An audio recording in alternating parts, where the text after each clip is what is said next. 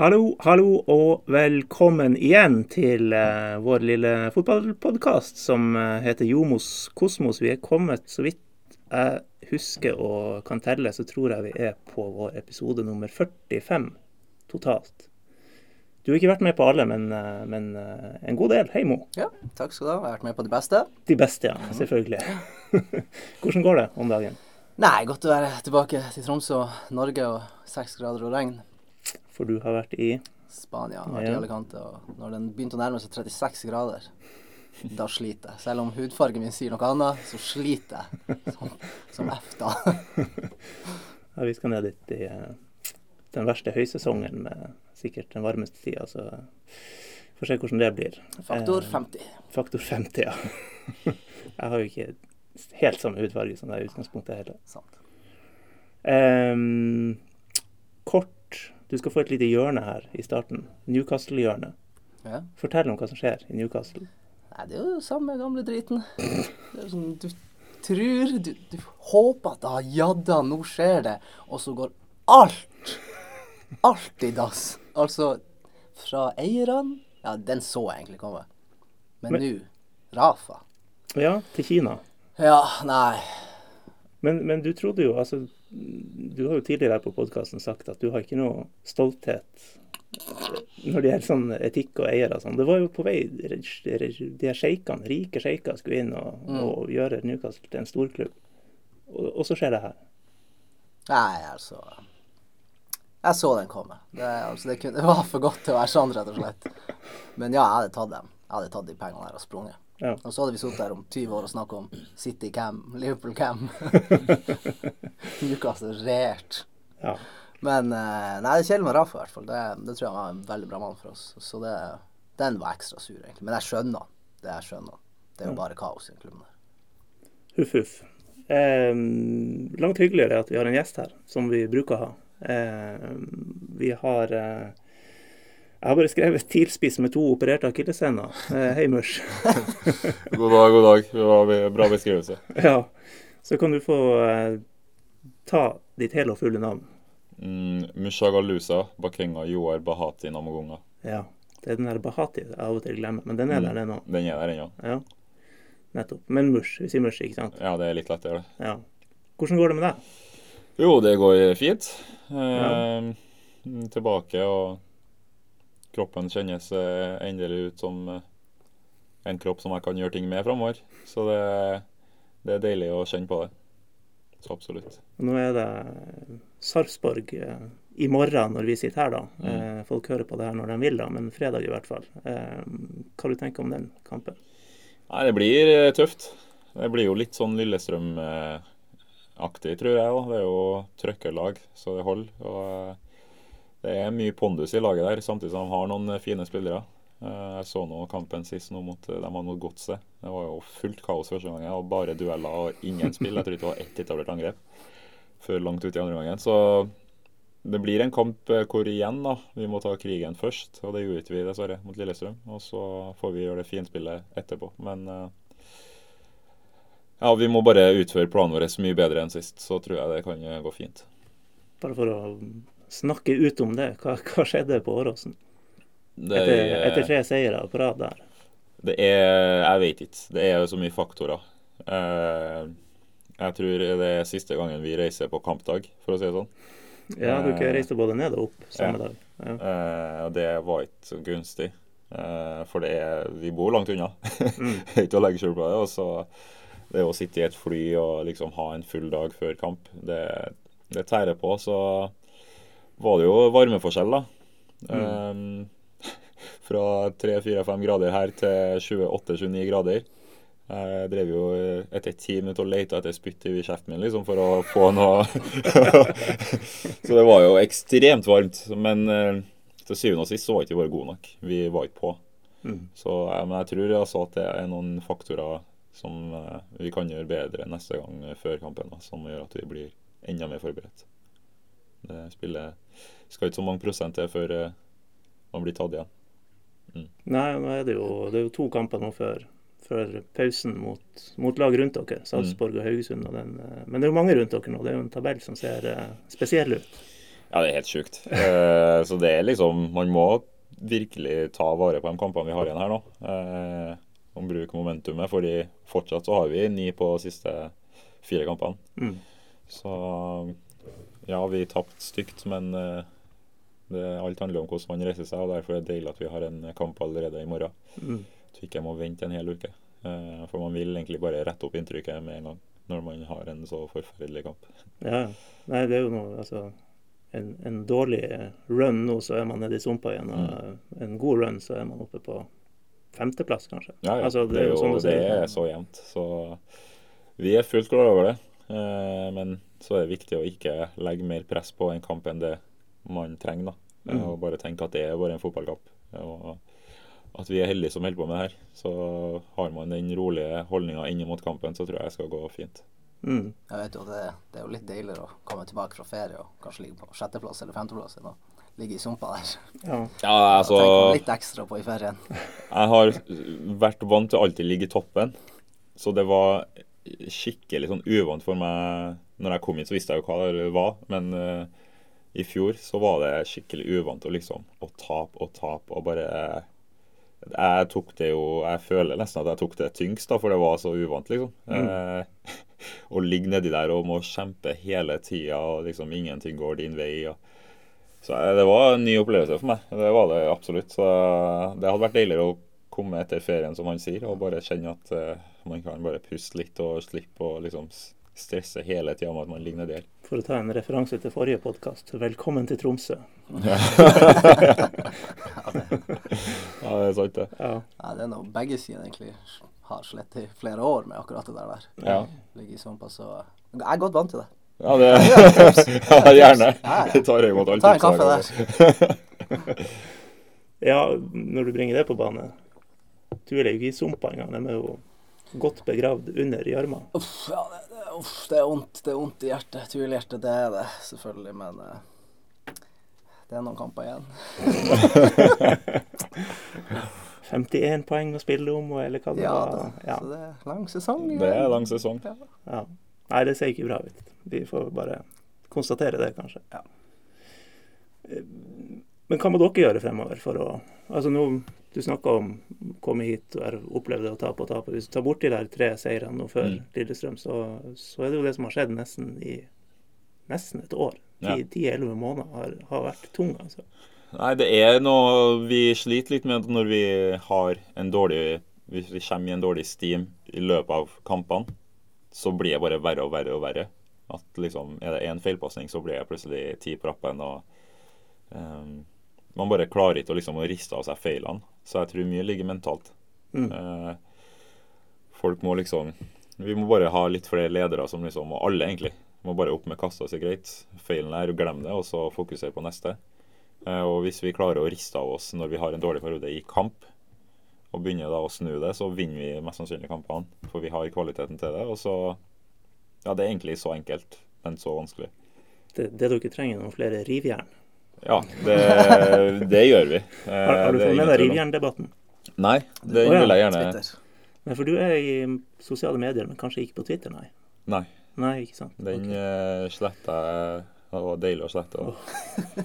Etter å ha blitt kalt det ene og andre og bare fikk nok av å gå innpå her. Så Det var Marie Simonsen som eh, var ute og mente at uh, en kvinnelig midtbanespiller for et rivjern var litt uh, Ja, det var vel noen antydninger der om at det kunne man gjøre i 1890, men i 2019 håpa man at man var kommet lenger. Og, Og det blåste opp i ansiktet hennes. ja, hvis du, og Twitter er åpent, så hvis du går inn og bare søker på rivjern, så finner du veldig mye der. ja, det er så vilt. Ja, Man må jo nesten være forsiktig med alt man sier nå, for det, alt kan jo tolkes feil. Så Ja. det er jo noe jeg føler det er utelukkende positivt. Jeg Ja, det- men kalt det meg er det. det. Ja, Det er bare å gå i ordboka og se. Det er positivt. Ja, Moe Rivjern. Ah, tusen takk. Ja. Ja, det er jo Altså, hadde jeg blitt kalt i rivjern, så hadde jeg liksom takk, liksom. Ja. Ja, det, jeg prøvde å se nå vi, vi er vel ingen rivjern her rundt bordet, tror jeg. Nei. Nei, Jeg rivjern i, i fire mot fire, så er jeg et rivjern. Ja, OK. Ja, der, jeg er Da kommer Jeg er godthussonen min fram. Jeg er med der. Da er det blokken med hodet. Ja. Men vi fikk et spørsmål faktisk fra Jeg har det ikke notert, men jeg tror det var Tom Erik Eilertsen eh, om hvem som er det største rivjernet i TIL. Eh, Jeg vil faktisk si eh, vår russiske venn Å ja, du går for han. ja, Artyom Sokol. Jeg tenkte han, Kent Are i mitt stille sinn, men det, eh, Jo, men På en annen måte, kanskje? på en annen måte. Eh, altså, Artyom er Han er brutal. Og eh, du har nå sett etter trening mange ganger hvor jeg halter meg inn til treninga etter å ha fått eh, knotter her og der. og eh, Han har jo den russiske mentaliteten at når han først er sur altså Han er alltid skikkelig i treninga, da. Og han bryr ikke seg. Alle duellene skal vinnes, eller du skal liksom dø for å Så det, jeg vil si han, altså Kent Are er på en god andreplass. Men jeg vil ikke gi Kent Are for mye her nå, for han har fått litt sånn eh, Canavaro-greier her og der. Og, ja, det er sånn Han er litt høyt oppe her, den kassa er litt for langt fram, så jeg må bare få han ned på jorda igjen. ja, det er bra. Han skulle bli landslagsspiller òg, ble vel Ja, her. Og, så det ja, Han må ned eh, på jorda. Du tar det ansvaret der. Jeg tar det ansvaret, ja. Det, det gjør jeg alltid i garderoben. det er bra. Ja. Eh, men eh, Mush, vi må eh, Vi må snakke Akilles. Mm. Eh, kan jo like gjerne foregripe spørsmålsrunden med et litt spørsmål fra Andreas Seipejärvi, som lurer på på en skala fra én til ti, der ti er inn i helvete vondt. Hvor Mm. vondt er det å ryke en akilles? Da vil jeg si 15. Å ja. Ja, Ja, for fordi det virker kjempeille. Ja, det er helt forferdelig. Og det, det er verre jo yngre du er, da. For da er en eh, liksom så Altså, ja, akillesen skal tåle hva er tre tonn eller noe. Ja, det sies noe Ja. sånt i Ja. Eh, så når den ryker, da Den krafta som skjer inni der, i hvert fall første gangen jeg røyka akillesen, så Jeg var helt sikker på at jeg ble øksa bakfra, liksom. ja, det er mange som sier det. Ja, det var, det var så vondt. Og jeg klarte ikke Altså, det var Nei. For da er det som skjedde, da, at den røyk, og da for den opp og reiv i hjel alt av leggmusklene på, opp og havna bak kneet. Mens den nedre delen gikk da og reiv den hælputa og havna nesten attmed tåa mi. Og bare riv alt på veien, og den krafta den gjør det med, det er helt brutalt. Og jeg var så sur i garderoben, husker jeg, eh, mot Ålesund her. Og liksom, jeg forbanna stopperen så sykt unødvendig. Jeg bare tar ned ballen, og jeg var dritsur på han Ålesund-stopperen, da. Og liksom drev og banna og ah, Ja. Og så ser jeg video, så var jeg helt alene. Så nei, det er Jeg unner ingen å ryke akillesen, for det Og så blir jeg jo mest sannsynlig varig med en av det, skal jeg si. Eh, For du blir aldri ordentlig, ordentlig, ordentlig bra i akillesen. Du kan Mm. bli 97 det er vel det beste du kan håpe og da skal du være sykt heldig. Så Men vet man hvorfor det skjer? Hvorfor ryker folk akillesen? Er du svak der fra før av? Genetisk? For min del så var det det kunstgress, å komme til kunstgress. For da har jeg jo spilt på gress nesten hele livet mitt. Mm. Og så hadde jeg vært i Belgia og Tyskland og alt mulig og spilt kun gress. Og så kom jeg tilbake til Molde og var og trent på kunstgress i tre dager og kjente at leggene mine var stive. Så når leggene begynner å bli stive, så skal det lite til oss Mm. for at uh, akillesen blir såpass irritert. Og da smaller det. Og så er det litt med nye sko nå, har jeg hørt òg, da. Det er mye, men jeg, kunstgress har fått mesteparten av skylda. At, eller hardt underlag, da. Og det er jo som regel kunstgress. Selv om du elsker kunstgress nå, Jeg skulle til å si det. ja, men en kunstgressforkjemper. ja. Det er ikke mange av oss. Nei. Mot var. Elsker kunstgress. Ja, det er få av oss. Er ikke det litt sånn motstridende? Altså, VAR er jo en nyvinning, og kunstgress er for så vidt en nyvinning. Du hater den ene og elsker den andre. Jeg er litt rar. Ja, rett og slett. ja bare litt rar. Det er jo deilig, ja. Ja, ja. Å ikke være Jeg eh, er ikke noe skal jeg si. A4. Jeg, Nei, nei. jeg kjører min egen vei. Ja. Ja. A7. Steg, steg. Ja, sju. Nei, så det, det er forferdelig vondt. Og det var vondt den eh, mot Odd òg. Ja. Men da hadde jeg opplevd smerten før og visste med en gang hva det var. Ja. Så jeg lå jo ned der og bare Der var akillesen, liksom. Og jeg var, da gikk jeg i en sånn mørk kjeller at jeg Jeg kom ikke meg ut av den før langt ut i desember der. Så det, det, det er smertefullt. Eh, Men som sagt så har jeg jo endt godt for den andre akillesen. Mm. Men det, Eh, det er vel verre gang nummer to, altså mentalt. Ja, ja. Ja, for for du vet vet du hva du skal gjennom, og- ja. Og jeg visste liksom Først den så mista jeg jo litt av den eh, eksplosiviteten, eh, snerten i, i steget. Mm. Det, det er ikke mye, men nok til at jeg kjente litt på det. Men så hadde jeg jo samtidig sykt vondt i den andre enden, som jeg snakka om. Mm. Eh, Det er jo den som jeg har slitt med lenge, og jeg føler at jeg har spilt handikappa fotball i fire-fem år nå. Eh, Så da tenkte jeg at hvis den her er, så er det bare å legge opp. Også. Og så trente jeg nå sykt bra, da, og operasjonen ble mye bedre. og Det endte opp med at den her ble bedre enn den var før, så nå spiller jeg endelig frisk, da, som jeg sa. Så det, det er deilig. Men eh, akkurat der og da så har jeg aldri vært så langt ned i hele mitt livs, tror jeg faktisk. For da var jeg liksom sånn nå, nå var jeg så lei. For nå hadde jeg fått så mye drit så at jeg I oktober i fjor, altså. Ja. Ja. Da var jeg Nei. Da fotball var det siste jeg hadde lyst til. Egentlig alt mulig. Ja. Men da, da er det godt å ha folk rundt seg og få roa ned litt. Du valgte å, å ta det der løpet i Trondheim. Rundt, Ja. rundt folk du kjenner og alt sånt der. Ja, det var viktig for meg. Ja. Uh, altså Tromsø er en fin by for all del, men uh, jeg er litt sånn at jeg liker familien min og vennene mine og vil se dem mest mulig, så da var det egentlig eh, greit for Tromsø òg. Og så snakka jeg med Rosenborg, og da ordna det seg. Det satte jeg pris på, for det er ikke alle klubber som hadde godtatt det. Mm. Eh, men de skjønte at jeg virkelig trengte det, og så ja, fra en-. Klubb sitt ståsted er, det- er det jo litt spesielt at man ikke følger opp sin egen Mm. skadde spiller. Ja, ja. Men de fylte meg jo opp via Jo. Torbjørnsen, liksom. Men at Ja. eh, man ikke gjør det. Men det, det grunnen er jo at uh, Rosenborg Fysioen kjenner meg så godt. Mm. Jeg kjenner kroppen min, og det bare var bedre for alle. Jeg syns jo det er bra. Altså, sånne her ting som Mm. Nærhet og trygghet, og Ja, ja. det er jo viktig. Man må tenke på sånt òg. Ja, ja, for det, vi er ikke bare noe bein utpå matta. Ikke maskiner. Nei, Nei, nei. selv om det, folk oppfatter oss som det av og til. Men eh, det er mye sånn spilling. Så Mm. det, det der var viktig, og jeg er jo takknemlig for det. da. Hvordan er fotballformen egentlig sånn? Nå tenker jeg at ting går på automatikk. At du Mm. får en ball 45, du vet allerede før du får ballen hva du skal gjøre. Du, Mm. du får en ball opp på kassa. Du, er du redd for akillesen? Altså, hvordan er liksom sånn Det var det Jeg har vært ute i masse år. Ja. Jeg var vel ute i to år. Mm. For meg så var det ikke noe automatikk. Jeg tror jeg brukte et halvt år på å Mm. komme i jo, 100% mo. Ja, ja. Det, og det kjenner jeg på. Eh, eller kjente jeg på. Mens nå i det siste så har det begynt å bli mer Men jeg har jo måttet vært forsiktig, da. Fordi det er, når du er ute lenge, så kan du ryke på hamstring og lyske og alt mulig.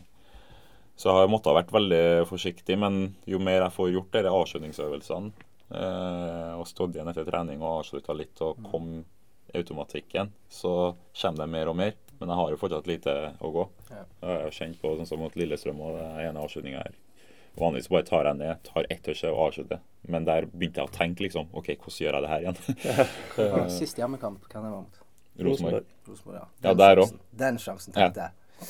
Der er Om seks automatikk. måneder så setter han det. Ja, ja, ja. Og det er jo det. det. Ja, men der begynte jeg liksom å tenke igjen, da. Og da blir det Jeg, jeg fikk den samme følelsen, fordi jeg tenkte sånn Det der kjenner jeg meg igjen på. Mm. At når man har vært ute så lenge, så gjør man bare ting. Dun, dun. Ja. Der ble det mm, jeg ble beskyttet. ja, bare, ja. Ja, det, det, det, fotballen er så kompleks, og det er liksom Det er lett å glemme, da, men andre har hatt åtte måneder på liksom å trene og holde kroppen i gang og ha det oppkjøring og liksom komme inn i det mens man har vært ute med skade. da. Så det tar litt tid, men det viktigste for meg er at jeg fortsatt kommer i de situasjonene.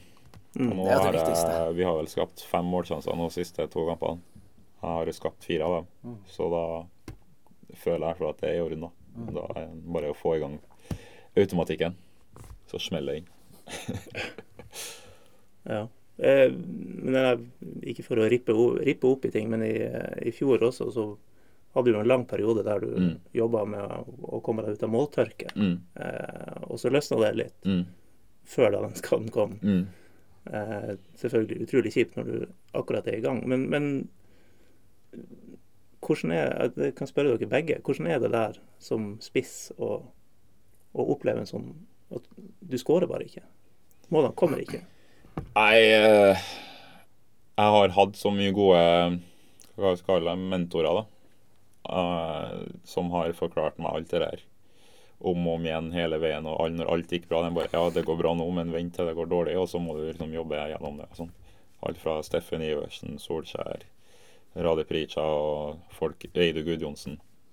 Og alle de sier jo at alle har jo skikkelig måltøygeværer hvor det liksom er Altså hvis det står Hvis du får én meter alene foran målet, så bommer du likevel. Mm. Eh, og det følte jeg at jeg hadde i fjor, da. Det var jo eh, spesielt mot eh, Haugesund. Når jeg kom inn der, kom jeg alene med keeper. Ja. Og så skyter jeg, og jeg ser at keeperen går den veien, så jeg skal bare sette den der. Men så kommer stopperen og får tåa på ballen, og så ender skuddet med å gå i hendene på keeperen. Ja. Og så blir det en retur. Men jeg tenker jo bare Ai, fader. Og så skal jeg prøve å rekke retur, men fordi at jeg tenkte fader, liksom, Ja. så rekker ikke jeg returen heller. Og da var jeg sånn Da satt jeg seriøst på kunstgress her. Det kom på meg blest og bare Hva er det som skjer, liksom? Men da, da snakka jeg med folk, da. Og jeg har jo snakka med Eidur i fjor. Og han sa liksom her i den perioden jeg snakka om, du må bare komme deg ut av det. Men ikke mist trua, liksom, for det er jo det er jo det første man gjør, sikkert. Jeg vet ikke hvordan du Du bare dropper inn sånn, sånn helt nonsjalant. Snakka med Eidur i fjor. Ja, la merke til det, du òg. Hallo? Det er altså eh, Gudjonsen, mm. ja. Som du kjenner fra Belgia. Ja, Belgia og Molde. Ja. Og Molde, selvfølgelig. Mm. Ja. Fulgte jo etter, eh, fulgte etter meg dit. Nei, jeg husker jo de der Altså, i mine senere år så har det egentlig ganske lettere. Altså, jeg har mer den mentaliteten på at ja, gjøre det godt på andre områder, på banen. Jeg var litt ulik spilletype. Mm. Det er jo mer en tierspiller i de siste par årene. mm. Men jeg husker da jeg var yngre, det var jo sånn at det var flere situasjoner der jeg nesten trakk meg unna. For jeg skjønte at hvis jeg får ballen der, så bommer jeg. Ja. Jeg, jeg gidder ikke å ta sjansen. Mm. Da, da ser jeg enda dummere ut. Mm. Så det her gidder jeg faktisk ikke. Ja. Så kom ballen der, så bare Faen. Jeg kunne kanskje vært der. I hvert fall prøvd. Og sånn ble det til slutt. Ja.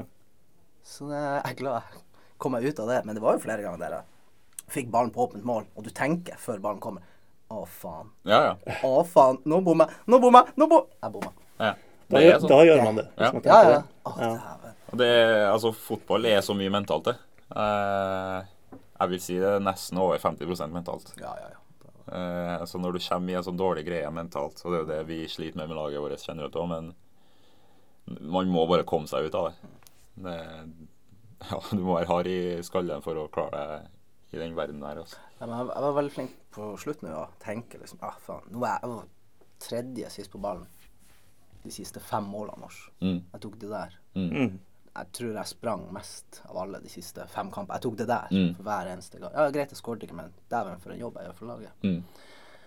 Tok hele den vrien der. Og det hjalp i hvert fall meg. Ja, da får du jo en god feeling Ja, ja. Og det hjelper. Og det er jo det jeg har tenkt nå. nå jeg har ikke skåra, men jeg har i hvert fall skapt fire Ja, ja. målsjanser. Ja, ja. Og da tar jeg det med meg, liksom. Mm. Så, man må ta det positive. Altså. Men hvordan er Altså, du har jo opplevd eh, begge ender av skalaen eh, i TIL siden du kom, når det Mm. gjelder eh, gode perioder og dårlige perioder. Eh, det indre livet der i, i en klubb og en garderobe, i motgang og medgang, Mm. som du har fått oppleve begge deler av på, Mm. på ganske kort tid. Hvordan, hvordan er det? Du fikk jo oppleve også eh, den tidligere omtalte 2017-feiringa etter dere berga plassen. Nei, altså garderobemessig så er vi en fantastisk gjeng. Eh, det er vi. Eh, fordi vi klarer alltid å holde humøret oppe, og vi har så mye artige figurer i garderoben. Det er personligheter som kommer fram, og når noen andre drar, selvfølgelig så merker man savnet av folk som har vært fremtredende i garderoben. Men mm. de som kanskje ikke var så fremtredende, tar jo større plass. Og jeg må gi honnør til ungguttene i laget, som har tatt litt større plass i år. da, For det har vi spurt av dem, liksom. Eh, nå er du en del av oss, og da får du bidra med det du kan. Nå har vi sett at du kan gjøre det på banen, for det er sånn test. sånn er det alltid. Hvis det kommer en ny spiller, så vil du se at han kan bidra med noe, og så kan du liksom være deg sjøl. Så Markus Pedersen og Sigurd Grønli, de har jo vokst, og liksom Du ser at guttene nå tar de plass, og de føler seg som en del. Og da er det lettere ute på banen. Ja. Men uh, vi har klart å holde humøret oppe, selv når det går dårlig. Og Selvfølgelig så er det litt tyngre første dagen etter et tap, eh, men som regel så kommer vi oss fort over det. Og når det går bra, så er jo Vi klarer som regel å holde balanse, men det er noen ganger hvor jeg tenker at må vi Vi vant en kamp, liksom. La oss eh, roe ned litt. Eh, for det er lett å liksom erklære seg sjøl som verdensmester da, når ting går litt bra. Men det er ingenting som egentlig glemmes like fort som en fotballkamp. Eh, når vi taper mot Lillestrøm, det er ingen som bryr seg om hva vi gjør mot Rosenborg da. Når vi taper 400 mot Lillestrøm. Mm. Så det, det er viktig å finne en ordentlig balanse på det der. For vi er flinke til å ikke grave oss ned. Det er vi. Men jeg syns vi kanskje skulle vært litt bedre på å roe ned når det går litt bra. Fordi det snur fort, og det merker man jo. Så det, det er jo det som jeg har merka sånn største var sånn som i Rosenborg. Vi vant, og da var det liksom Ja, vi vant, men neste kamp nå. Det var, det var liksom ikke Mm. Altså, vi vant jo seriegullet, og fortsatt så tenkte vi OK, neste år, eller nå skal vi ta cupen, og liksom Det var ikke noe sånn Vi vant, nå er vi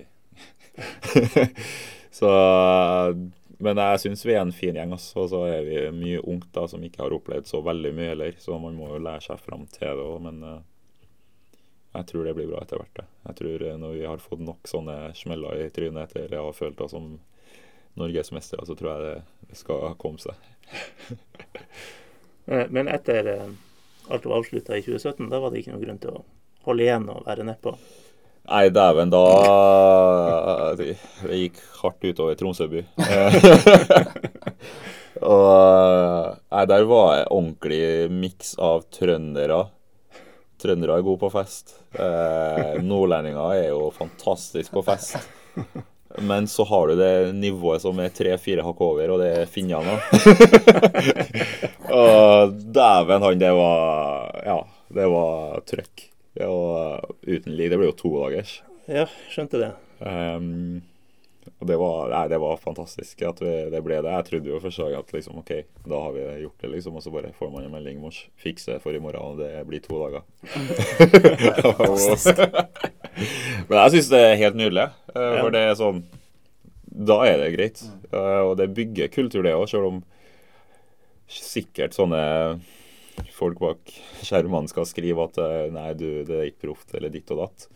Men det er helt nydelig. det. Og når vi vant og vant og vant i Rosenborg etter kampene, så samla vi oss noen spillere og tok et par drinker, liksom. Det, er- det er- bygger så bra lagmoral, og det er ikke sånn at det er skadelig heller, med mindre du blir rølpefylla to-tre dager og bare ødelegger kroppen din. Men under en kontrollert setting så er det ikke noe annet enn positivt, spør du meg. Spillere som drikker lag, de vinner i lag. De gjør det. Det Og det er liksom, I Norge så er liksom øl og alkohol sånn no-no, men eh, i Premier League de har jo øl i bussen etter kamp, i garderoben etter kamp, og de spiller kamp hver tredje dag. Spania det samme. Eh, Tyskland. Det var jo sjokk for meg. Det var masse øl i bussen etter trening, etter kamp. Etter trening. eh, og hjemmekampene også var det øl. Eh, og det var sånn at treneren sa liksom 'nå skal dere ut'. Ja. Nå, nå skal dere ut. Og det var sånn to ganger vi dro ut med laget i måneden. Og hvor det var liksom på liksom beskjed fra treneren. Kos dere, liksom.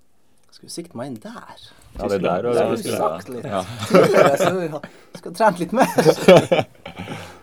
Altså, jeg, så jeg føler det, den pekefingeren er litt for alvorlig i Norge Ja. på det der. For det, vi trener såpass hardt og såpass mye at det skader ikke å ta seg en liten en med laget og bare ha det artig, liksom. Det er ikke sånn at man Så lenge det ikke er en- en sånn 2017 to dager eh, Nei, det fre- går ikke. fredag og lørdag før kamp ja, søndag. Nei, det går ikke.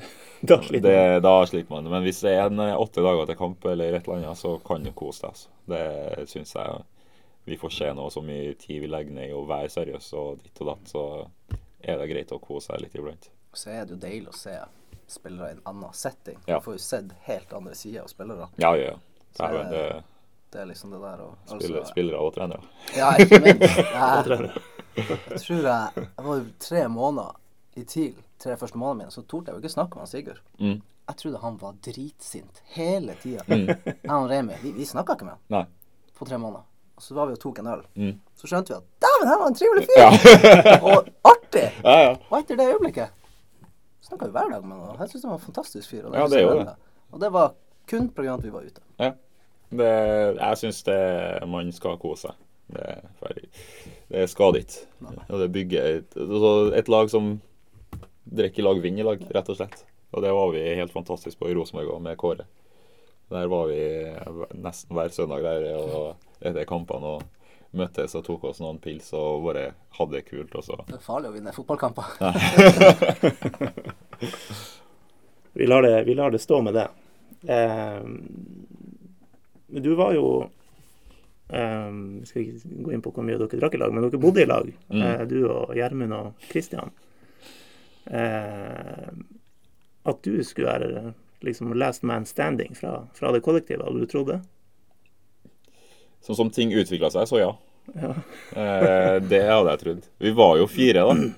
Men Lene Ja, stakk nå ganske tidlig.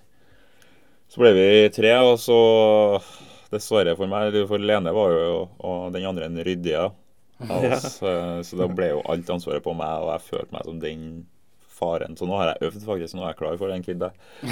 Eh, eller to. Eh, men Er, det- er det her en beskjed ut til noen? Kanskje. Bare meld dere. Send meg DM. Nei eh, jeg syns eh, Jeg syns synd på Lando i fjor, det må jeg si. For han eh, For meg så er han en av våre beste spillere. Eh, og gjorde det skikkelig bra. Og da, sånn som ting utvikla seg, så var det unna å dra, liksom. Og få muligheten annen plass. Og Gjermund hadde nå fruen, da. Eh, og alle med fruer vet at eh, er fruen happy, så er det mye lettere å, å være en happy spiller. òg. Så eh, den så jeg egentlig komme òg. mens for min del så jeg vil gjøre det bra her. Ordentlig bra, liksom.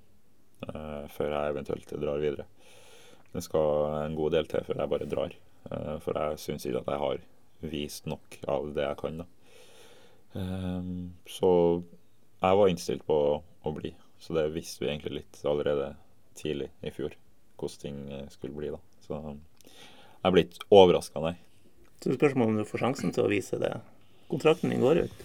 Ja, det gjør jo det. Eh, Men som sagt, kontrakt og sånn, det orker jeg å tenke på nå. Jeg er bare glad for at jeg kan Fra første hadde jeg bestemt meg for å gi en sjanse til. Eh, For det var ikke gitt at jeg skulle gjøre. Og så at jeg får spilt igjen, da. Og bare får vært en del av gruppa igjen og gå ut bare på søndager. Så jeg tror nå at så øh, kroppen Jeg føler at kroppen er så bra nå, er på vei til å bli skikkelig bra, at øh, det, blir, det blir deilig å spille fotball framover når det, løsner. For du eh, Det har du for så vidt snakka om før, da. Du, du var, har jo sagt at du var inne på tanken med å bare pakke bort fotballen da, Ja ja, dæven. Det da den kom, denne skaden.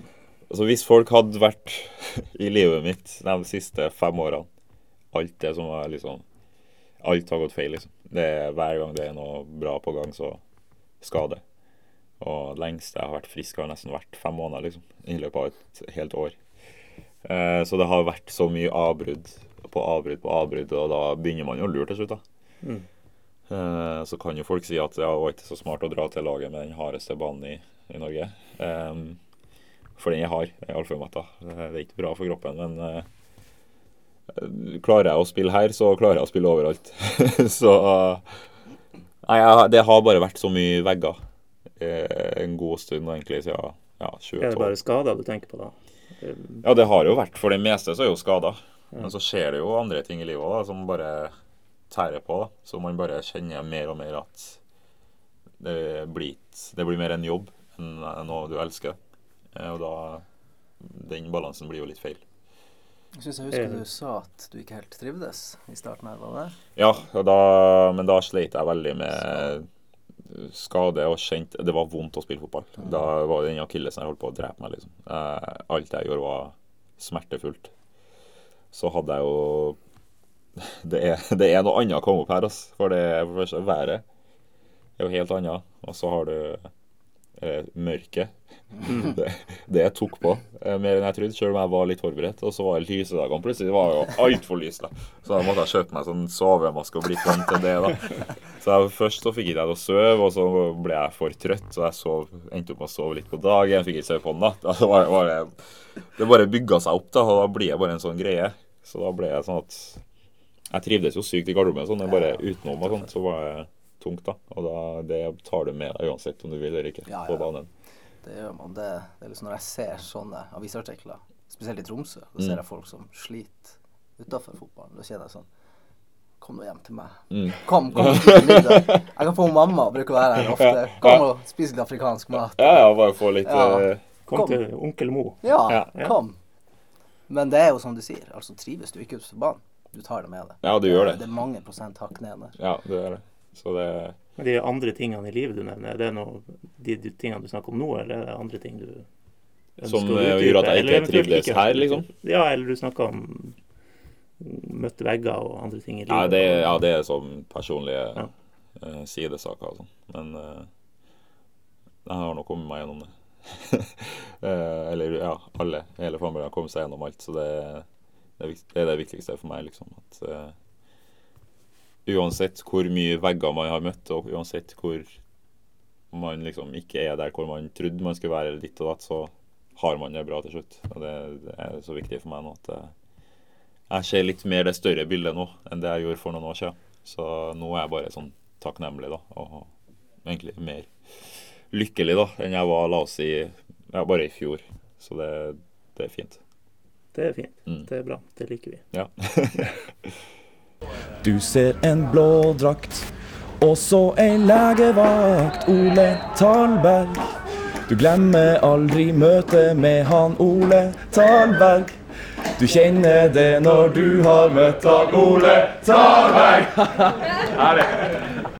Eh, vi må trippe litt nedover eh, memory lane. Åh, Eh, kan du huske din debut for Rosenborg? Ja.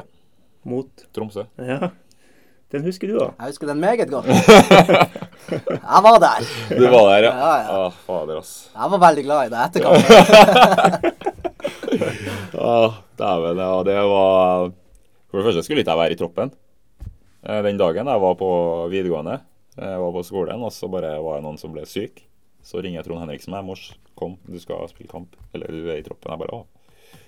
Så hadde jeg egentlig ingen forventninger, og så kommer Hamren til meg og bare 'Du skulle egentlig ha spilt i hele år. Så god som du har vært. Men i dag får du mest sannsynlig muligheten din til å komme inn, så bare vær klar.' og jeg bare ga han en klem. Jeg bare takk. så var det Det var hva var det, 0-0-kampen. Ja. Ja. Og så fikk jeg nå komme inn, ja, og så var det vel fem målsjanser på fem minutter. eller noe. Det var helt sykt.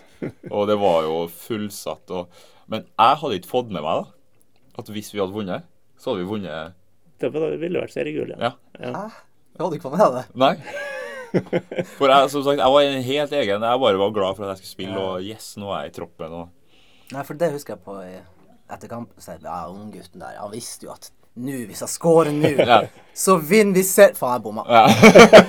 Nei, det var helt eh, Jeg var bare sånn wow. Og, men så følte jeg liksom dæven, det her gikk jo greit, liksom. Selv om jeg ikke scora. Men det her var jo artig. Og liksom, altså, Kjernen var så glad i meg, og det var sånn Så jeg var jo også bare i intervjusonen etterpå. Så bare ja, Mars, du, hva syns du? Du hadde jo blitt båret på en gullstol og hvis du hadde sikra seriegullet i dag. Ja, det, Å ja, vi hadde, å, hadde vi vunnet, ja? ja? Nei, altså Ja, men vi tar det nå neste gang. Jeg er bare glad for å liksom Det ordna seg vel med ganske klar margin til slutt. Ja, det gjorde det. Det Det var dæven for et lag vi hadde. Så det, det var gode tider. Det var slitsom kamp, det der. Ja, det. Men jeg husker jeg sto Jeg spilte jo spiss, så jeg sto bare så Hver gang ballen kom til, så ble det målsjanse. Jeg tenkte sånn Hva som skjer? Ja. Har du magnet på deg? ja det, var, det var helt vilt. Jeg bare, det bare kom målsjanse på målsjanse her. Og bare, wow. Og så alle guttene bare Ja, det kommer en til, liksom. Og så kom det en til. Ja, Ja, Ramovic sto en OK kamp, da. ja det, var, det var en levende vegg, ass. Jeg vil, jeg vil si eh, veldig bra han. Og liksom, det var greit av meg. Bra av meg. Men ekstremt av han å liksom redde der, ass. Men kan du huske, i hvert fall hvis vi kan stole på Wikipedia, eh, ditt første seniormål for Rosenborg? Ikke i obligatorisk kamp. Det var mot Molde. Nei, ikke i obligatorisk kamp. Ja. Marbella Ja, mot Molde. Ja OK. Wikipedia sier Elfsborg. Copa del Sol. Ja, det var samme greia, det. Ja, Ja. jeg skåra to, ja. Ja. Ja, det var Elfsborg. Stemmer. Kan du huske hvem pasninga kom fra? Gjermund Aasen. Ja, se der. Og det var faktisk Gjermund Aasen i Moldekampen òg. Ja, det er akkurat. Så første to målene mine var Gjermund. Ja. Og jeg jubla jo som bare det. Og så bare Yes, yes! Og så bare kommer Demidov. Mors, slapp av, det er bare en treningskamp. så Nei, det, det stemmer, det. ja. Det var jeg har gode minner. Jeg og Gjermund han, altså, han har servert meg i mange år. Så det er egentlig det som er synd, ja. At han ikke er lenger. For å savner jo venstreboten her. Ja, ja. Savner mye der. Ja. Eh, var nok kanskje bedre å være småkonge i TIL enn en av mange i Rosenborg. Vi Ja, det er jo det. Og, men jeg mener fortsatt at han spilt indreløper i 4-3-3 Ja, fra starten av i bruken der, Rosenborg, ja. så hadde han vært kongen der. Hva du mener du? Han er ikke god som venstreback? Ja, Det er også artig hver gang han havner på venstrebacken. Det er så at jeg ikke tør å sende en snap, liksom. Bare ha-ha, venstreback, liksom. For han, han dro derifra tidlig av at de begynte å tenke at han skulle være venstreback. Og det er liksom, han hater venstreback-posisjon. Ja, Det var en kamp her i fjor også, hvor han endte opp med å spille liksom, Lasse dro ut, så skulle Gjermund spille siste minuttet på venstrebacken. Og alt det der gjør for vondt for han, liksom. Uh, det er svart. Men jeg mener Gjermund er Eliteseriens beste spiller hvis han spiller 4-3-3 for et velfungerende Rosenborg. Ja. Det, da er han ja, Han burde egentlig ha dratt til utlandet for lenge siden, men uh, han har nekta å høre på meg, da.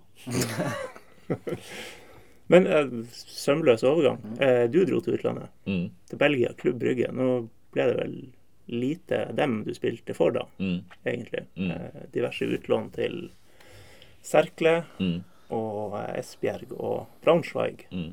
Eh, fortell litt om den tida. Nei, det var noe mm, veldig hektisk, for da hadde jeg jo skåra 12 eller 13 mål på 11 starter for Rosenborg. Og da var jeg jo 18 år. Det er bra. Ja, det, det er jeg fornøyd med. Ja.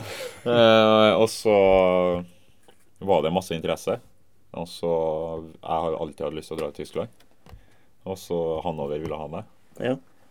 Eh, Kort innpå, forresten. Det står også noe om eh, Ja, det er tidligere eh, på nettet om at du har vært ønska av Chelsea, men Ja. det da i 2006 å dra til Rosenborg fra Nasjonal, Ja. moderklubb.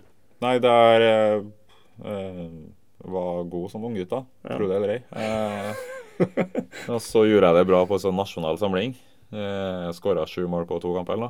Og så dro jeg hjem, og så pappa bare henta meg til skolen. Og han henta meg aldri. Jeg bare Hva fader gjør du her? Han bare Nei, vi må snakke, liksom. Jeg bare Ja, OK, greit. Tenkte jeg har jeg gjort noe galt nå, liksom. Så bare Nei, du er ønska på prøvespill av City, Chelsea, United, uh, Everton. Og ja, det var bare Jeg bare Hæ? Han bare Ja, etter den samlinga di og sånn her. Og så elsker jeg Drogba, da. Så dro vi til Chelsea først. Eh, så Chelsea kom og så på én kamp til før de bestemte seg for om de ville Og det visste ikke jeg, så Nasjonal har bare satt opp en kamp mot et lag, og det var dritkaldt. Jeg hadde ikke lyst til å spille, men de tvang meg til å komme og spille, liksom. Skåra jeg åtte mål, da. Og da ble Så dro jeg til Chelsea og var her i to uker og fikk eh, trene med U15, U17. Gjorde jeg bra der. U18. Så fikk jeg være med på en sånn leken økt med reservelaget som 14-åring. Eh, Og det gikk sykt bra, og fikk kontraktforslag. Og så begynte jeg å tenke på at nei, for da hadde jeg nettopp eh, fått meg ei i Trondheim da, som jeg var litt sånn småforelska i. og, og sånn der. Så det, det sykeste er at jeg faktisk endte opp med at jeg tenkte jeg vil heller være i Trondheim. Og ville ikke flytte fra familien fra at jeg måtte bo og sånn. To uker etter at jeg tok den avgjørelsen, så ble det slutt mellom meg. Hørte jeg riktig her nå? Hørte jeg riktig? 14 år? Ja, helt sykt. Nei, du, sorry, Chelsea. Jeg har, jeg har, en, jeg har ei hjemme i Trondheim som venter på meg. Ah, så når jeg sa det til dem, så kom jo Rosenborg. Eh, og da tenkte jeg liksom ja, greit. Og da tok de jo meg og Henriksen samtidig.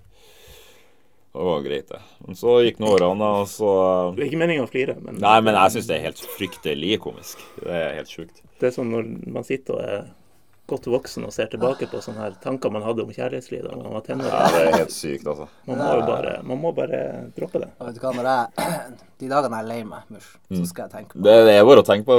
På det. Takka nei til Chelsea for å slå to uker etterpå. oh, nei, men så Alltid i Tyskland, da. Eh, og så hadde jeg hørt noe interesse fra Ad Hoffenheim tidlig, og så Bayern München og sånn her. Og så dro jeg til Så ville Hanover ha meg, da. Etter den sesongen, og det var jeg var så glad for det. Eh, Rosenborg krevde mer og mer og mer. Og til slutt så satte jeg med en sum på 2,5 millioner euro eller noe. Eh, og Hanover til slutt bare Ja, greit. Så kom de til Spania for å hente meg. Hvor gammel var du blitt da? 19? Da var jeg Ish. Jeg vet ikke om jeg hadde fylt 19 ennå. 18-19? Ja. Så tenkte jeg at eh, Ja, altså Nå skal jeg til Hanover, liksom, endelig. Og skulle dra og spille med Moa på topp der og snakka litt med han og liksom gleda meg. Og så bare klarte Rosenborg å fucke det opp, da. Rett og slett. Eh, og jeg ble så sykt forbanna. Eh, for da hadde Klubb Brugge ringt og ville ha meg og Markus. eh, Og skulle betale litt mer. Eh, mens jeg ville ut dit. Jeg ville til Hanover. Hvorfor denne dragninga til Tyskland? Var det det du hadde hørt om Nei, det her med øl, øl etter kampene? Som 18-åring var dritfull. Nei, jeg bare likte Jeg pleide å se på det på Eurosport, og jeg bare syntes det var så fint. og liksom Jeg likte ikke engelske tankegangen etter jeg var i Chelsea heller, for det var bare sånn Jeg vil spille litt fotball litt fram og tilbake i rom. Og så så jeg på Moa, da. Uh, så Han ringte meg, han presidenten, og bare 'sorry, altså, men Rosenborg, vi skjønner ikke Vi kom hit for å hente deg, liksom, og de fucka opp og alt sånt her. Så vi, dessverre så går vi videre neste mann, som da var Mamiram Ramdiouf. Ja. Og han gjorde det jo ganske greit der. Å, Ja. herregud, så bitter jeg ble. Men uh, jeg ble jo så sur for det, så dagen etter så orka jeg ikke. Jeg ble med på treninga, men jeg sto her bare. Jeg, jeg var bare helt fra meg, liksom, for jeg gleda meg. Og liksom Rosenborg hadde jo liksom Vi hadde kommet overens om at nå skal vi få dra. Så kom Klubb Brygge likevel og sa bli med nå. Og så henta jeg oss i privat fly, og så dro vi dit. Og så bare tenkte jeg, vet du hva Nei, fuck it. Så var jeg litt usikker likevel, og så får jeg høre ja, treneren vil ha det. Eh, du må dra. Treneren kommer til å bruke deg, og det er mange spillere som, er liksom, eh, som er bra i ligaen her, som drar videre. Og det Brøyne, Lukaku, alle de var jo der. Og sånn. Og Benteke og alt sånt der. Så tenker jeg greit. Hvis treneren vil virkelig ha meg, greit. Så det signerer jeg, da. Markus gjør det jo ikke. Mm, Jeg tenkte nå, ja, ja, nå må jeg bare komme meg bort siden de ødela forrige overgang. Eh, så drar jeg til Brygge etter drar jeg til Trondheim, drar jeg til Brygge igjen. Eh, så var det en legendarisk trener, Kristoff Dahm, som var trener da. Så møter jeg på en Tom, og vi snakker litt, og så eh, kommer treneren imot meg. Jeg bare sier til han, ja, han går rett forbi. Jeg bare, hæ? Og Tom bare, nei, det er bare sånn han er, liksom. Han var helt sykt spesiell. Og så begynner treningsmøtet i garderoben, og så setter vi oss på plassene våre. Og så begynner han å snakke. Og så bare Eller Ja, vi skal gjøre sånn og sånn. Og så bare stopper han opp når han ser meg. Så bare Who are you? oh, oh, oh, Jeg bare uh, I'm Mosh. Yeah, Mosh who? bare Mosh Aga Bakenga. I'm, I'm your new player. Bare We have a new player! jeg bare ja. Og så sitter jeg på plassen, da. For da hadde de solgt favorittspilleren hans. Og så han bare Where is Nabil? Og det var Nabil Dirar da, som hadde solgt til Monaco. Og alle bare Yeah, they sold him. They sold Nabil! og jeg sitter der og bare svetter. Jeg bare, Hva fader? Tenkte jeg, du er 18 år og sitter der og bare får ha Eneste grunn til at du signerte til slutt, var fordi treneren ville ha deg. Og han setter ut på den tiraden, da, i ti minutter, hvor han snakker om at han hater styret. Eh, at de bare henter spillere uten at han vet hvem de er. De selger favorittspillerne. Så han prøver å bygge et mesterlag, og så selger de beste spillerne og henter folk han ikke vet hvem er engang, han ikke vil ha. Og jeg bare satt der, og så til slutt bare avslutta han What position you play? Jeg bare I'm a striker. Han bare Can you play winger? Jeg bare Not really, but sometimes. OK, you're winger. og så hadde vi fotballtreninga, og så gjorde jeg det sykt bra på en treninga. Så kom jeg til meg til treninga og bare You're a good player. You play on, uh, on Sunday. Det var sånn to dager til kamp Da. Ja. Fikk jeg spille og skåra mål og måtte jo ut for at jeg dreit på meg og sånn, men eh, Men det gikk jo bare nedover, for jeg gikk jo rett fra preseason. Men det var helt syk start. Og etter det så kom vi aldri i gang i brygget, Fordi da var jeg ving, jeg plutselig, og jeg ville ikke være wing. Derfor ble det lån på lån, for det kom nye trenere Ja. som satte meg på spiss, skåra mål, og så henta de syke spillere. Carlos Bacca var jo der samtidig som jeg. Eh, ja, det var så mye gode spillere. liksom De bare henta spisser, spisser, spisser. Og jeg bare ble wing. Og jeg hata å spille ving, Så derfor dro jeg bare på lån. Men presidenten elska meg jo. Så ene kampen så kom han ned i garderoben bare 'Mors skal spille spiss'. Han kom i garderoben 'Mors skal spille spiss'. Så fikk jeg spille spiss, og så var det nei, ut på vingen igjen. Og da sa jeg til en det her klarer ikke jeg lenger. Så da Det var Klubb Brygge var en kaosklubb, Ja. det vil jeg si. Jeg er bare glad for at jeg hadde Tom Høgli og de to svenskene her. Det hjalp veldig. Men eh, det var mye kaos. Og det var sånn ti spillere ut, ti spillere inn hvert vindu. For han Kristoff Dam, eh, vi kom jo på andreplass det året her, og han ble jo da Sparka, så kom en ny trener. Sparka etter tre måneder, kom en ny. Sparka. Ja, altså, Men jeg tenker sånn, du som er så hjemmekjær. Jeg er også utrolig hjemmekjær. Jeg, har, jeg vet ikke om jeg hadde takla å dra til utlandet. Mest sannsynlig ikke. Nei, men Men jeg- tenker sånn Du klarte det ganske fint. ja, jeg gjorde det. Men, og det er derfor jeg er veldig glad i Tom Høglia. For de tok vare på meg og fruen når vi var der. da. Uh, June tok vare på madammen, og det var liksom Alt gikk så bra utenom, da. Og vi feira jul med dem fordi vi hadde sånn romjulkamper og sånn. Og jeg hadde forberedt hele livet mitt på at jeg skal bort da. Så da var det greit. Og da hadde jeg med meg noen. Men eh, Så da tenkte jeg noe mer på det, egentlig. Det er først etter at jeg igjen har vært i Trondheim, og så dra derifra, at jeg kjenner på at dæven, det var godt å være hjemme og spise afrikansk mat. Og, Ja, som mamma. ja. For det er jo ganske mye kynisme der i forhold til ja, TIL, herregud, det var kynisme. Det, det vil jeg tro. Ja, det, altså, det er sykt. Vi hadde jo en, eh, har en artig storm, han Kalles Bakka. Hadde sånn eh, teambuilding, boksing. Eh, Eller vi skulle liksom, ja, kickboksing og alt mulig og sånn da. Så skulle vi avslutte med at alle skulle stille seg på rekke og rad. Og bare stramme magen, og så skulle alle gå og slå alle. Så at én skulle liksom starte å slå alle, og så skulle han stille seg nederst, og så skulle liksom, sånn der da. Og da var jeg foran Kallasbakka. Han jo likte ikke det, og jeg var så mye bedre enn han da, liksom. Og så kommer han til meg, da. Og du liksom, du skal stramme alt, og man skal treffe her. Mm. Og da er det ikke vondt, liksom. Det er vondt, men du er sterk nok. Så gjorde han sånn her og lot som han skulle slå meg. Så flirer jeg, liksom, og så puster jeg ut, da. Ja. Og da kommer det. Fy faen. Jeg brista ribbe. Jeg kunne ikke spille neste gang, og da fikk han spille. Hæ? Og da skøyt karrieren hans fart. Ja. Etter det så har jo han bare Ja, ja. seila som bare det, for han gjorde det bra. og så, ja, ja. Ja. Der hadde jeg vært på første fly. Det her gidder jeg ikke. Nei, jeg bare, og, og han bare flirer etterpå. Å, sorry. Sånn her. Jeg bare liksom. Men det, det er så kynisk. Det er um, Jeg vet ikke. Så Carlos Bakka han eh, har deg å takke for mye. ja, altså, jeg mener jo det. Alt. Men det er sånn Fortsatt så er han jo grei og liksom skriver jo til meg iblant liksom, 'Hvordan går det, bror?' og alt sånt her. Og sånn, men jeg tenker jo fortsatt på det liksom Dæven, altså, du. Men eh, ja, jeg har eh, opplevd mye artig. Det vil jeg nok si, ja. Definitivt. Ja. Kristoff Dam, han er jo Du kaller han legendarisk. Han er jo legendarisk for mer enn bare trenervirke. Ja, dæven, han fikk kjørt seg på kokainsnortinga. Ja. Eh, Men den der eh, å, å, å dra i gang en sånn der tordentale foran spillerne sine, det er ganske Men det er bare sånn han var. Det er ganske dårlig stil, altså. Mm. Ja, det tror meg. Det, det var så mye rart vi gjorde der. Altså, vi hadde noe sånn en kveld hvor vi skulle skrive ed på at vi skulle ta vare på hverandre og kjempe for klubben. Hadde han skrudd av alle lys på et sånt møterom og, og tent sånn telys. Det var som en sånn satanistopplegg vi hadde, liksom. Og så skulle vi liksom skrive navnet vårt på at vi lover og vi sverger å gjøre alt for klubben. Så skulle vi stemple. Det her er bare å spørre Tom Høgli om. Altså, det her er sykt, for da så vi bare på denne karen. Skulle vi stemple med sånn rød greie. Ja, sånn Så- lakk, liksom. Ja. Og så skulle vi tenne på det. What? Han hadde så mye syke opplegg. Ja, det, det, det var sykt å ha som første trener i utlandet. ass. For da tenkte jeg liksom OK, nå har jeg opplevd Kan ikke jeg oppleve vill her, da? Men du må jo ha vært innom mange syke trenere, da. Jeg har det. Jeg har eh, hatt mange syke trenere. Jeg må se her, men vi har litt mer tid. Ja, ja. Nei, han i Tyskland var jo helt uh, Han drepte meg jo. Han ga meg beskjed om at Mors, du får ikke lov til å smile. Plutselig. For at det gikk så dårlig. Og så sa han du må slutte å smile så mye og være så godt humør. Hæ? Tenkte okay. jeg bare, Men det er jo meg. Og bare, ja, men så tenkte jeg OK, greit. Hvis det er det som skal til. Slutta jeg å smile, da. Og så fortsatte vi å spille dårlig. Ja. Eh, og så hadde vi et møte. Og så bare sier han på møtet at eh, når det går dårlig, så trenger vi at alle bidrar.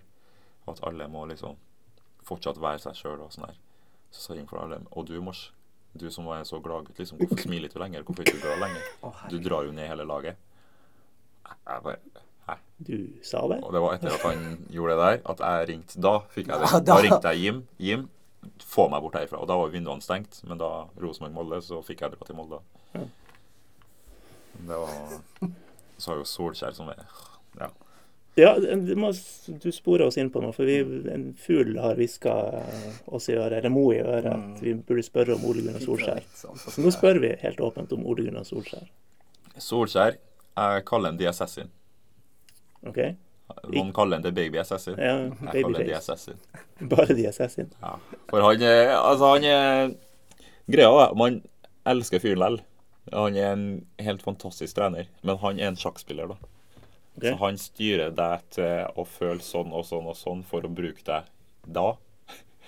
Eh, eller hvis han føler at OK, nå er han her høyt opp. Han kommer med sånne stikkommentarer. Plutselig, han dukker opp. Vi kunne hatt podkast her nå. Nå er jeg nesten redd for å si det. For plutselig så dukker han opp. Så er han. Hadde det sånn Å, der var han, ja. Og så bare kommer han med et stikk som gjør så vondt, da. Hvis jeg disser deg, eksempel, og vi flirer liksom rundt bordet, og jeg bare Ha-ha, det du gjorde på treninga i dag, da.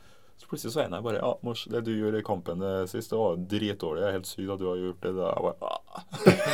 og det kommer fra han, liksom. da Bare, ah. Første flyet hjem. Ja, det, ja, han hadde han, Og han er jo helt sjuk da, på at han kan liksom fyre opp en spiller i flere uker kun for å bruke den i én kamp.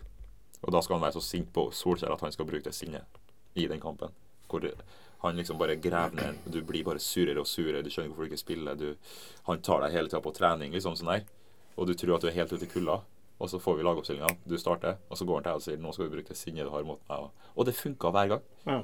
Det var sånn Men det jeg syns var sykest, var jo Jeg fikk ikke spille noen kamper. Og jeg bare skjønte ikke hvorfor. Eh, Og så gikk det én uke, og så bare etter den første uka så fikk jeg spille neste kamp. Og så hadde vi en cupkamp, fikk jeg spille da. Og han slutta å se på meg. Jeg følte meg som et spøkelse. Jeg bare skjønte ikke hva, hva er det som foregår. liksom. Og folk kom jo til meg. «Morsen, 'Hvorfor spiller ikke du? Hva er det som skjer? Og hvorfor gjør han Hvorfor er han sånn imot?' Jeg bare Jeg vet ikke, liksom. Fikk ikke jeg spille neste kamp heller?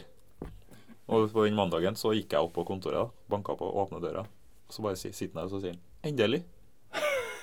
Det var på tide. Jeg bare 'Hæ?' Ja, nå har jeg venta her i to uker på at du skal komme og vise at du vil spille flagget mitt. Og nå eh, endelig gjorde du det, liksom. Neste kamp starter jeg.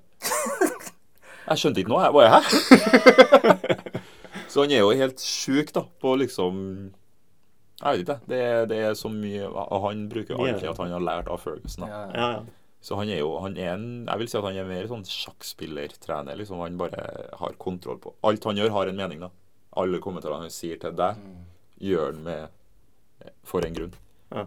Så jeg er ganske sikker på at han kommer til å lykkes bra i United. liksom For han, jeg sa alltid at han var skapt for mer enn det Molde og Norge. liksom For meg er det der psykologisk terror. Jeg hadde begynt Ja, ja. å grine. Ja, det, altså, Uten å nevne navn, så er det faktisk en spiller som har grått på vei fra stadion. Ja, det skjønner jeg godt. For man bare Men samtidig, fotballverden er såpass at du, du må tåle sånn. Det er, du kan ikke være svak mental og ikke tåle å bli hersa med. Men noen ganger så blir jeg stopp, og det ble det til meg med tyskeren. Han ødela meg helt etter det der. Og så vidt jeg kom meg, og så fikk jeg akilleskaden rett etterpå. Da. Det var liksom sånn Fader, ass. Her får du lov å smile, i hvert fall. Ja, og det er enda godt. Det var heftige mind games fra Solskjær, altså. Ja, han eh, Plutselig, hvis du gjør comeback og han blir treneren din, så vet du Da vet du om det, da. Da er det bare sånn OK, jeg, jeg skjønner. Ja. Ah, om to kamper. Jeg om to eh, kamper. spille spillet, er det ikke det det heter i reality? Jævlig dårlig sjakk, jeg, da. Altså. Ja, det, det var, jeg var dårlig sjakk, jeg også. Jeg skjønte jo ingenting. Åh, det ble mye. Jeg må fordøye litt her nå. um, ja, noe helt annet. Uh, vi må snart uh, Oi, tida går fort. Em, landslagsspill for Den demokratiske republikken Kongo. Har det noen gang vært aktuelt? Ja. Det var vel når jeg var 17-18 år. Eh, Du har vel fortsatt den muligheten? Jeg tror ikke det. Er det ikke noe med at du ikke har A-kamper for Jeg har en A-kamp. Du har en A-kamp? Obligatorisk. Eh, Det er det det var i Abu Dhabi. Ah, du har vært på en av de der, ja. Så, sånn som jeg har skjønt det, så var det nok. Ja. Det er det jeg har hørt fra det forbundet i Kongo. ja. Eh, det, og nå er det jo ordentlig bra landslag. Altså, For nå vil faktisk spillerne spille der. For Ja, ja, det var bare fra kongolesiske ligaen. Og, men nå er det jo fra Premier League og Frankrike og Tyskland. og sånn, Så det, det er et bra landslag nå. Så det kunne jo ha vært spennende om man ikke hadde hatt den ene A-kampen i Abu Dhabi mot Polen. Og så en av de der turene. Det er jo der eh, Jeg vet ikke hvem som har blitt landslagsspillere ut fra der, men eh, Knut Borch og Thomas Drage, Thomas Thomas Kinn Kinn ja. Kanskje. Mm. Men hadde du gjort det? Hvis de hadde kommet nå? Ja. Hadde gjort det? Men nå er ikke jeg i nærheten av god nok. Men hadde jeg fått muligheten igjen før, når jeg sa nei, Mm. så hadde det vært interessant. For det er jo liksom Det er noe annet, da. Og så tenker man liksom at ja, man får kanskje ikke spilt så mye for Norge. Ja. Mens der får man kanskje muligheten mer. Og så bare Jeg hadde muligheten sjøl for Somalia. Hadde jeg? Ja. Men det var kanskje litt mer lugubert tilbud. Ja. Det var litt sånn Ja, vi spiller ikke Somalia, liksom, og det er jo farlig der. Og, men Mm. så får du jo penger, Mm. og så får du jo masse penger under bordet. ja. Og da bare jeg bare OK, ha det! Men så mange andre hadde bare Ja! Jeg kommer! Tar første fly. Ja, nei, men jeg syns det er artig å følge med Kongo. De spiller jo nå i Afrikamesterskapet og gikk videre. og eh, Så De skal vel møte Madagaskar nå. Så Mm. eh, jeg håper de gjør det bra. Det følger veldig med. Madagaskar, ja, det er artig. De er videre for aller første gang. Mm. Om ikke de er med for første gang. Jeg tror de er med og videre. Ja, Ja. for. Så det er mye spennende. Men det greia er jo at det er så mange som har flytta fra landet, eller som faktisk har muligheten til å spille for landet, som ikke har gjort det før. ja. Og så har det blitt så sinnssykt mange gode spillere som da plutselig får muligheten til å representere moderlandet sitt. Det er derfor det er mye sånn nye landslag. Mali har jo plutselig blitt det, Ja, det laget, liksom. Så det Kjapp quiz, forresten. Hovedstaden på Madagaskar? Madagaskar. Nei, De burde kanskje ha visst det. jeg tror det er Antananarivo. Det er så mange ananan, men jeg tror det er sånn det blir. Antananananarivo. Noe sånt. Ja, men da er, Ja. Da er jeg klar for quiz på driv, eller noe. Vi som kanskje er fra den regionen, burde Ja, vi ha det. Det var nesten litt derfor billig, det her. Men når vi, er, når vi er inne på det, da, så må vi kjapt touche innom eh, din onkel. mm.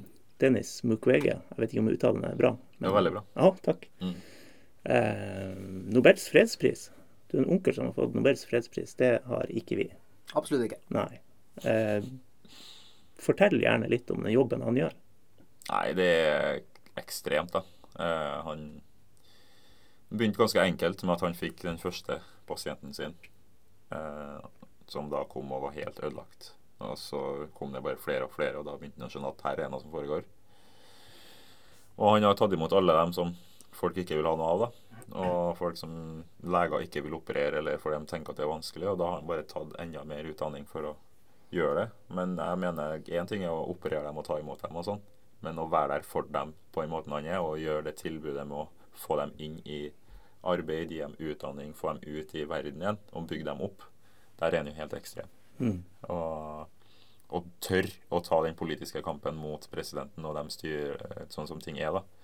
Han har jo blitt eh, forsøkt drept to ganger, Mm. eller tre, og mange ganger senest etter Nobelsprisen, når han landa, Oh, ja.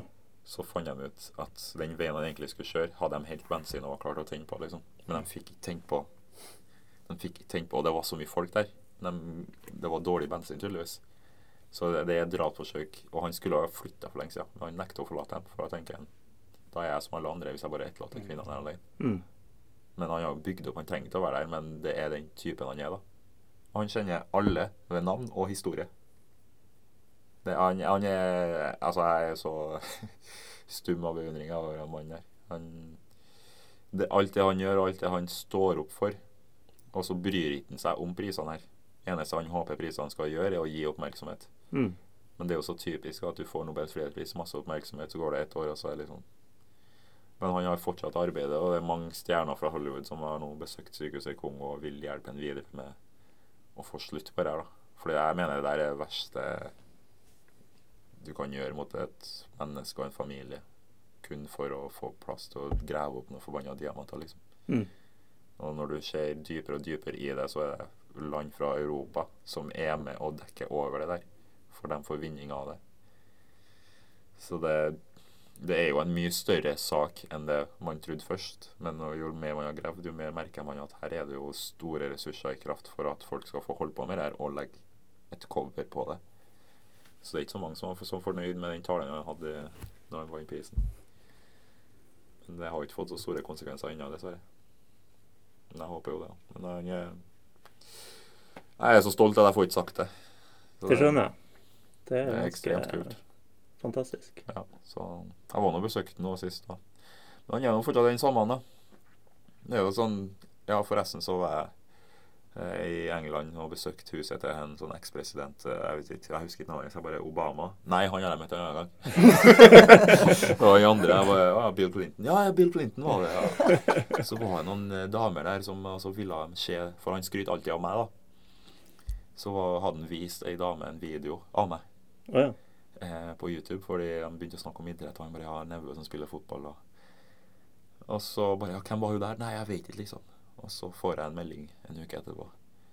Og det er barndomscrushet mitt, Jessica Alba. Jeg drev og snakka med henne. Jeg bare kødder! Jeg trodde det var hun 14-åringen. Ja, det Ah, Der er hun! Nei, han er, jeg er stolt over onkel, ass. Og det, det er noe jeg tar med meg videre. Eh, og det er jo han som er årsaken til at jeg driver med det. Starta opp den skolen med familien min og prøver å hjelpe, da, fordi Kongo er så bra land, men de må bare få muligheten. Mm. Syns det er litt urettferdig hvordan ting er. Så hvis man kan hjelpe 100, så har man forhåpentligvis endra historien til tusener, for det er jo familien deres framover som får gevinst fra det at de nå får utdanning. Så jeg håper at det arbeidet her går så bra at man kan gjøre det enda flere og åpne flere skoler hit og dit. Så. Noe å dedikere deg til eh, når Ja. fotballkarrieren er ferdig. Ja, ja, og det dedikerer jeg meg like mye nå. Ja. For jeg er så opptatt av at de skal få en bra hverdag. De skal få sitte på ordentlige stoler. Mm. Tror ikke man skjønner hvor heldig man er før man drar ned dit og ser. Altså. Der koster det to dollar i måneden å gå på skole. og De har ikke råd til. Mm. Eh, folk har ikke råd til en skolesekk. Vi ga alle skolesekk nå med hjelp av det donasjoner til folk. Og ungene var gråt av glede, liksom. Så det er sånn, sånne småting som vi ikke tenker over, da. Som er helt nydelig for dem. De fikk vindu på plass på klasserommene, og det var jo Så det, jeg er veldig dedikert på å gi de barna, i hvert fall etter å ha møtt dem alle der og vært der, så vil jeg gjøre det beste for at de kan få bra mulighet framover. Da. Og det er jo pga. onkel at man blir inspirert, selvfølgelig. Bra. Det ble fra det, fjollete til det mer seriøse. Men eh, det, det er viktigere, strengt tatt. Jeg skrek jeg, jeg andre, De andre de sang, og jeg gråt. Vi må eh, kjapt dra gjennom noen spørsmål hvis du er med på det. Jeg er med. Ja. Sentralkomiteen på Hatteng skole er en fast eh, bidragsyter. Eh, Hva er de største forskjellene på Rosenborg, Molde og TIL? Begrunn, og hvor trivdes du best? Eh, største forskjellene er ressurser. Eh, Rosenborg størst ressurser, selvfølgelig. Molde er et lag som er en liten by, men som har godt, godt med ressurser, òg, og prøver å, å nå toppen med god hjelp. Og så Tromsø er mer ja, historisk klubb, egentlig. Det er så mye historie i veggene på Alfheim, og det, um, det er en klubb som nesten må klare seg litt sjøl. Ja, Trond Moen har hjulpet litt her og der, men de må klare s- mer med mindre. da. Uh, så det, jeg vil si Tromsø er mer jobbende klubben, mens i Rosenborg så går det mer av seg sjøl og i Molde. Mm. Uh, trivdes best i Rosenborg fordi det er der jeg har vokst opp. Mm. Det er naturlig. Så vil jeg si det er jevnt mellom Tromsø og Molde. Eh, men eh, jeg vil nesten si at det er en bedre gruppe her. Og for meg så er det viktig, det er en garderobegreie. Så det jeg Da setter jeg Tromsø på andre. Så får Molde ligge nederst. Men det er ikke noe vondt mot dem, nei. Eh, spørsmål til fra dem. Hvor mange mål er du god for? Og hva mangler du av pasninger eller sjanser? Nei, jeg, jeg er glad i at sjanser blir skapt for meg, da. Det er egentlig det beste som fins, er ikke det, Mo? Jeg elsker det. Ja.